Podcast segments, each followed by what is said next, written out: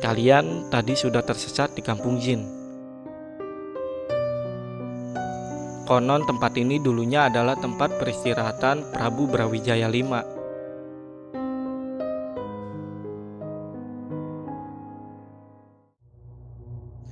Halo semuanya, kembali lagi di Lentera Malam bareng gue Jamal Dan sekarang kita ada di segmen cerita horor nih Dan kali ini gue akan membawakan cerita dari kiriman email pasukan Lentera Malam Yang bernama Indra Lesmana Dari cerita yang ditulis Indra ini bercerita tentang pengalaman dari seseorang bernama Adi Dan dua temannya saat berkunjung ke Alas Ketonggo Gue mau ingetin sekali lagi nih, jadi buat teman-teman yang mau ngirim cerita horornya atau teman-teman mau jadi narasumber di Lentera Malam, kalian bisa DM ke sosial media kami, nanti bakal ada admin kita yang ngarahin di sana. Dan sebelum masuk ke cerita, kita coba ulas singkat dulu nih tentang Alas Ketonggo atau yang biasa juga disebut dengan Alas Rigati. Alas Ketonggo yang terletak 12 km arah barat daya di Kota Ngawi, tepatnya di Desa Babadan, Kecamatan Paron ini, mempunyai banyak sekali sejarah. Salah satunya adalah bahwa alas ini dipercaya sebagai tempat betapa Raden Wijaya untuk mencari petunjuk sebelum membangun kerajaan Majapahit. Dan di sini juga terdapat petilasan dari Raja Brawijaya yang konon. Masyarakat juga mempercayai bahwa alas Ketonggo ini adalah tempat yang angker atau wingit dan menjadi pusat keraton dari lelembut atau makhluk halus. Nah sebelum masuk ke ceritanya gue mau binomo dulu nih. Lumayan kan di masa pandemi gini? Dari rumah teman-teman bisa tambah pemasukan. Dan kebetulan gue kemarin habis beli jam tangan fosil ini nih Dari hasil gue trading di binomo Ya udah sekarang gue mau kasih lihat teman-teman gue live trading binomo Oke gue mau invest di 1,4 juta nih Gak usah gede-gede nih biar aman Gue mau pakai moving average biar nanti grafiknya bisa gue lihat dengan jelas. Nah, ini kayaknya grafiknya turun terus nih. Kita lihat grafik belakangnya. Kita coba buat turun ya. Oke, sip.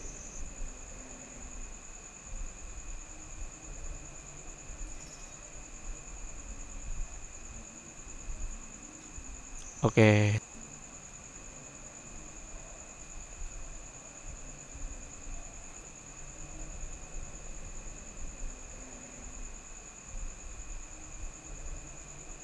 Ayo turun lagi nih, dikit lagi nih, dikit lagi.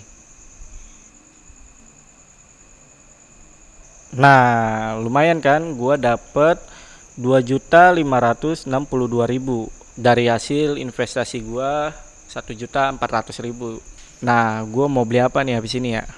Gua mau beli TV mungkin kali ya. Oke, buat teman-teman paling bisa coba sendiri, ini mudah banget kok.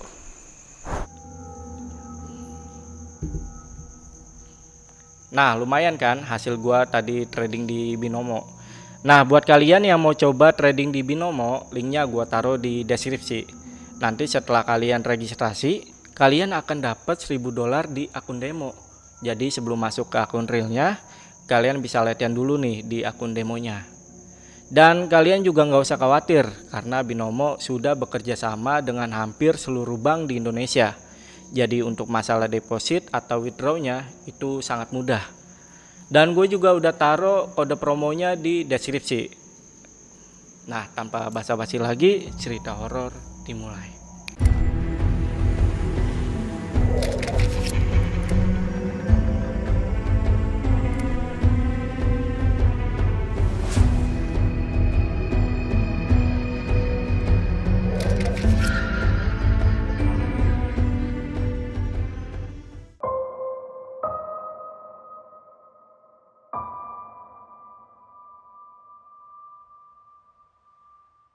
Waktu itu aku masih kuliah di salah satu universitas yang ada di Malang dan beberapa hari kemudian setelah selesai UAS, aku langsung mengajak kedua sahabatku yang bernama Anton dan Rio.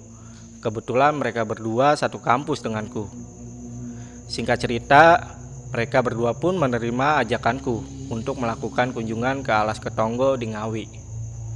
Dan kita berencana untuk berangkat ke sana pada hari Rabu pagi Hampir semalaman sebelum berangkat, mataku sulit terpejam, membayangkan betapa asiknya perjalanan ke Alas Ketonggo.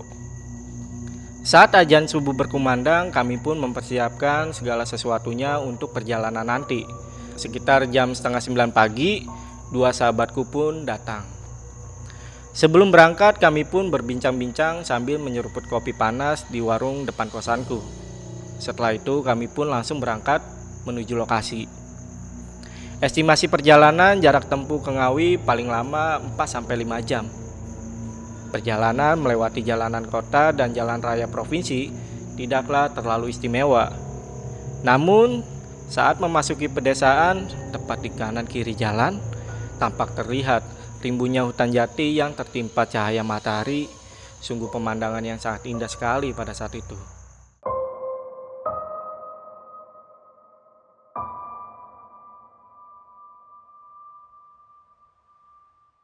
Kami pun sampai di gerbang Srigati atau Alas Ketonggo sekitar jam 3 sore. Meski sebelumnya kami sempat nyasar kurang lebih 7 km karena baru pertama kalinya kami berkunjung ke sini. Begitu sampai di sana, hal pertama yang kami lakukan adalah mengambil gambar atau foto-foto di sekitar lokasi tersebut. Dan setelah semua merasa cukup dengan mengambil gambar di sekitar pintu masuk Alas Ketonggo, kami pun melapor kepada juru kunci perihal kedatangan kami. Kami mencoba melepas penat sejenak karena semenjak berangkat dari Malang menuju ke Alas Ketonggo ini kami tanpa istirahat. Kami juga menyempatkan untuk mengisi kebutuhan perut dan kebetulan di depan pintu masuk banyak deretan warung yang menyediakan makanan dan minuman. Kami pun nyantai di warung dan memesan kopi serta mie rebus. Di sana, aku sempat ngobrol dengan penjaga warung. Aku pun dikasih info mengenai alas ketonggo oleh si penjaga warung. Konon tempat ini dulunya adalah tempat peristirahatan Prabu Brawijaya V setelah lari dari kerajaan Majapahit karena kerajaan diserbu oleh bala tentara Demak di bawah pimpinan Raden Patah. Dan di tempat ini juga Prabu Brawijaya V meninggalkan baju kebesarannya sebelum berangkat ke Gunung Lau untuk bertapa. Tidak lama kemudian, setelah menikmati mie rebus dan segelas kopi di warung, saat itu waktu sudah menunjukkan jam setengah lima sore. Kami bertiga pun melanjutkan perjalanan dari Palenggahan menuju Kali Tempuk. Untuk akses menuju ke lokasi Kali Tempuk ini sangatlah mudah karena banyak papan petunjuknya sedikit penjelasan nih tentang Kali Tempuk. Jadi Kali Tempuk ini adalah tempat bertemunya dua muara sungai yang sering digunakan untuk mandi bagi mereka yang mendalami ilmu kekebalan untuk bisa awet muda atau berbagai tujuan lainnya. Jadi jangan kaget karena masih ada banyak ritual yang betapa dan berendam di kali ini sambil membakar dupa. Lanjut ke cerita, kami pun sampai di lokasi Kali Tempuk. Salah satu hal yang merasa hati diselimuti hawa mistis di sini adalah ketika kami melihat banyak orang-orang yang sedang melakukan ritual. Ada yang betapa di pinggir kali, ada yang nyekar bunga di bawah pohon, bahkan ada yang rela tinggal di sana mengabdikan dirinya untuk betapa di alas ketonggo.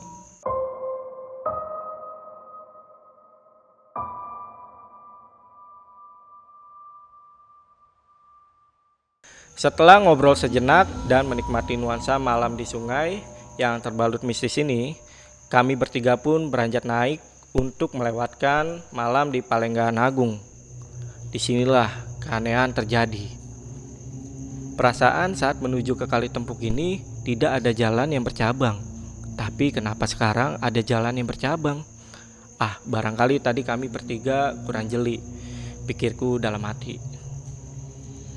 Tapi hati kecilku sangat yakin kalau jalanan di sini hanya ada jalan setapak dan tidak ada percabangan jalan yang harusnya menikung ke kiri kalau dari atas.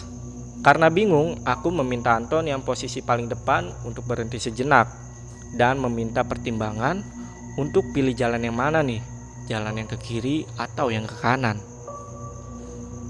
Karena kedua sahabatku sepakat yakin yang kiri, ya udah aku pun manut saja. Tapi sejujurnya aku yakin arah yang kanan lah jalan menuju Palenggahan Agung. Beberapa menit perjalanan, aku mulai merasa keanehan. Dan tepat dari arah depan kami ada kabut yang sangat tebal. Mungkin hanya fenomena alam biasa saja pikirku. Setelah kami menembus kabut tebal tersebut, kami bertiga memasuki sebuah perkampungan yang asing bagiku. Mengapa? Karena singkatku tidak ada kampung selain deretan warung penyedia makanan dan minuman di alas ketonggo ini. Aku pun mulai sadar kalau sepertinya kami bertiga ini sedang kesasar. Kayaknya kita salah jalan ya.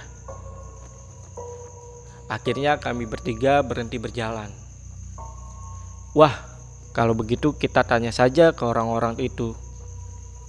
Ketika itu memang terlihat beberapa orang yang berjalan di sekitar kampung ini. Sebentar dulu. Kita jalan saja dulu pelan-pelan. Coba perhatikan, ada yang aneh gak dengan suasana kampung ini? Kami pun berjalan pelan dan sesekali berhenti. Kami terus memperhatikan kampung tersebut. Dengan hati yang kian tidak menentu, beberapa orang laki-laki juga terlihat berdiri di depan pintu pagar rumahnya. Ada juga terlihat wanita yang menggendong anak-anaknya dengan kain batik. Dan dari semua yang kami perhatikan, untuk sementara, kami belum menyadari adanya keanehan dari orang-orang tersebut. Kita berhenti saja di depan warung itu. Kita coba tanya jalan menuju ke Palenggahan Agung. Pinta Anton sambil menunjuk ke arah sebuah warung yang ada di pinggir jalan. Yang kebetulan pemilik warungnya adalah seorang wanita. Namun sebelum bertanya, aku mencoba berbisik kepada Anton untuk membaca bismillah terlebih dahulu. Anton pun berjalan ke arah wanita pemilik warung tersebut yang sedang sibuk menyapu lantai warungnya. Aku dan Rio memperhatikan warung tersebut. Warung itu terlihat menjual berbagai kebutuhan hidup sehari-hari seperti sabun, pasta gigi, kue-kue kecil, beras, dan lain-lain. Aku perhatikan wanita pemilik warung itu dan mencoba untuk mengenali wajahnya. Seolah mengerti kalau sedang saya perhatikan, dia hanya menunduk sambil tangannya terus menyapu-nyapu lantai di tempat yang sama. Aku juga melihat Anton sedang bertanya ke wanita tersebut. Tapi anehnya, wanita pemilik warung tersebut tidak terlihat mengangkat wajahnya sedikit pun.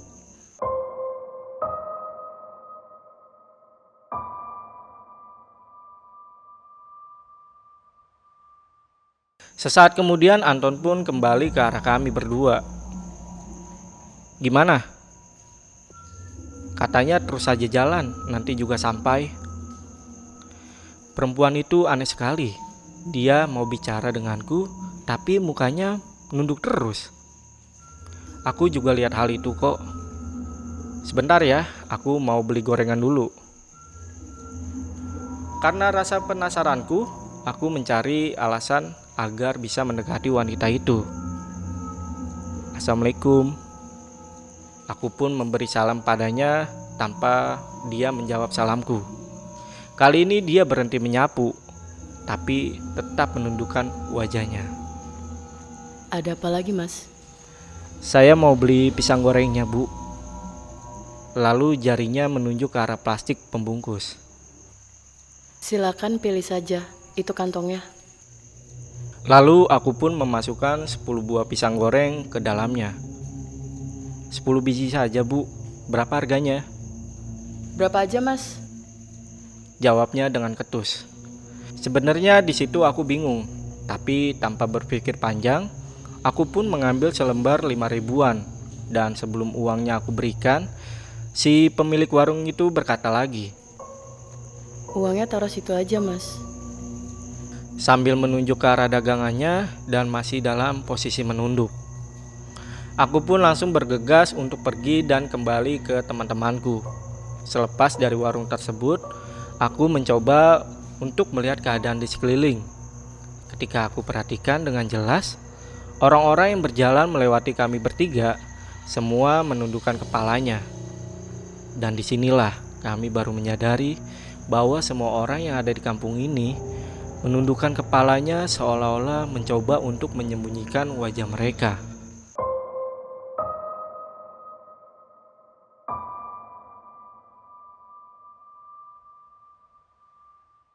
Tapi anehnya kami bertiga tidak sama sekali merasakan merinding atau takut meski kami mengerti kalau kami sedang berada di dunia lain. Akhirnya kami pun melanjutkan perjalanan dan mengikuti jalan kecil. Sampai kemudian kampung aneh itu terlewati dan kami bertemu jalan yang mengarah ke Kali Tempuk. Dan benar saja kali ini tidak ada lagi jalan yang bercabang. Lega rasanya karena tampak di depan adalah deretan warung-warung meski sudah tutup. Setelah sampai di Palenggaan Agung, kami langsung ke motor yang ada di parkiran untuk mengambil HP yang sengaja tidak kami bawa kecuali kamera digital yang kami gunakan untuk mengambil gambar atau foto-foto. Keanehan lagi-lagi muncul dan kami bertiga sempat saling berpandang. Setelah tahu dari handphone bahwa waktu sudah menunjukkan jam setengah empat pagi. Semakin pusing memikirkan kejadian yang aneh ini. Sambil duduk santai di atas motor, Rio yang membawa pisang goreng yang aku beli di warung tadi mencoba untuk mencari bungkusan pisang goreng tersebut di ranselnya. Tapi anehnya, yang dia temukan di ranselnya hanya ada bungkusan daun jati. Dan setelah dibuka di dalamnya terdapat 10 lembar daun kering dan selembar uang 5000.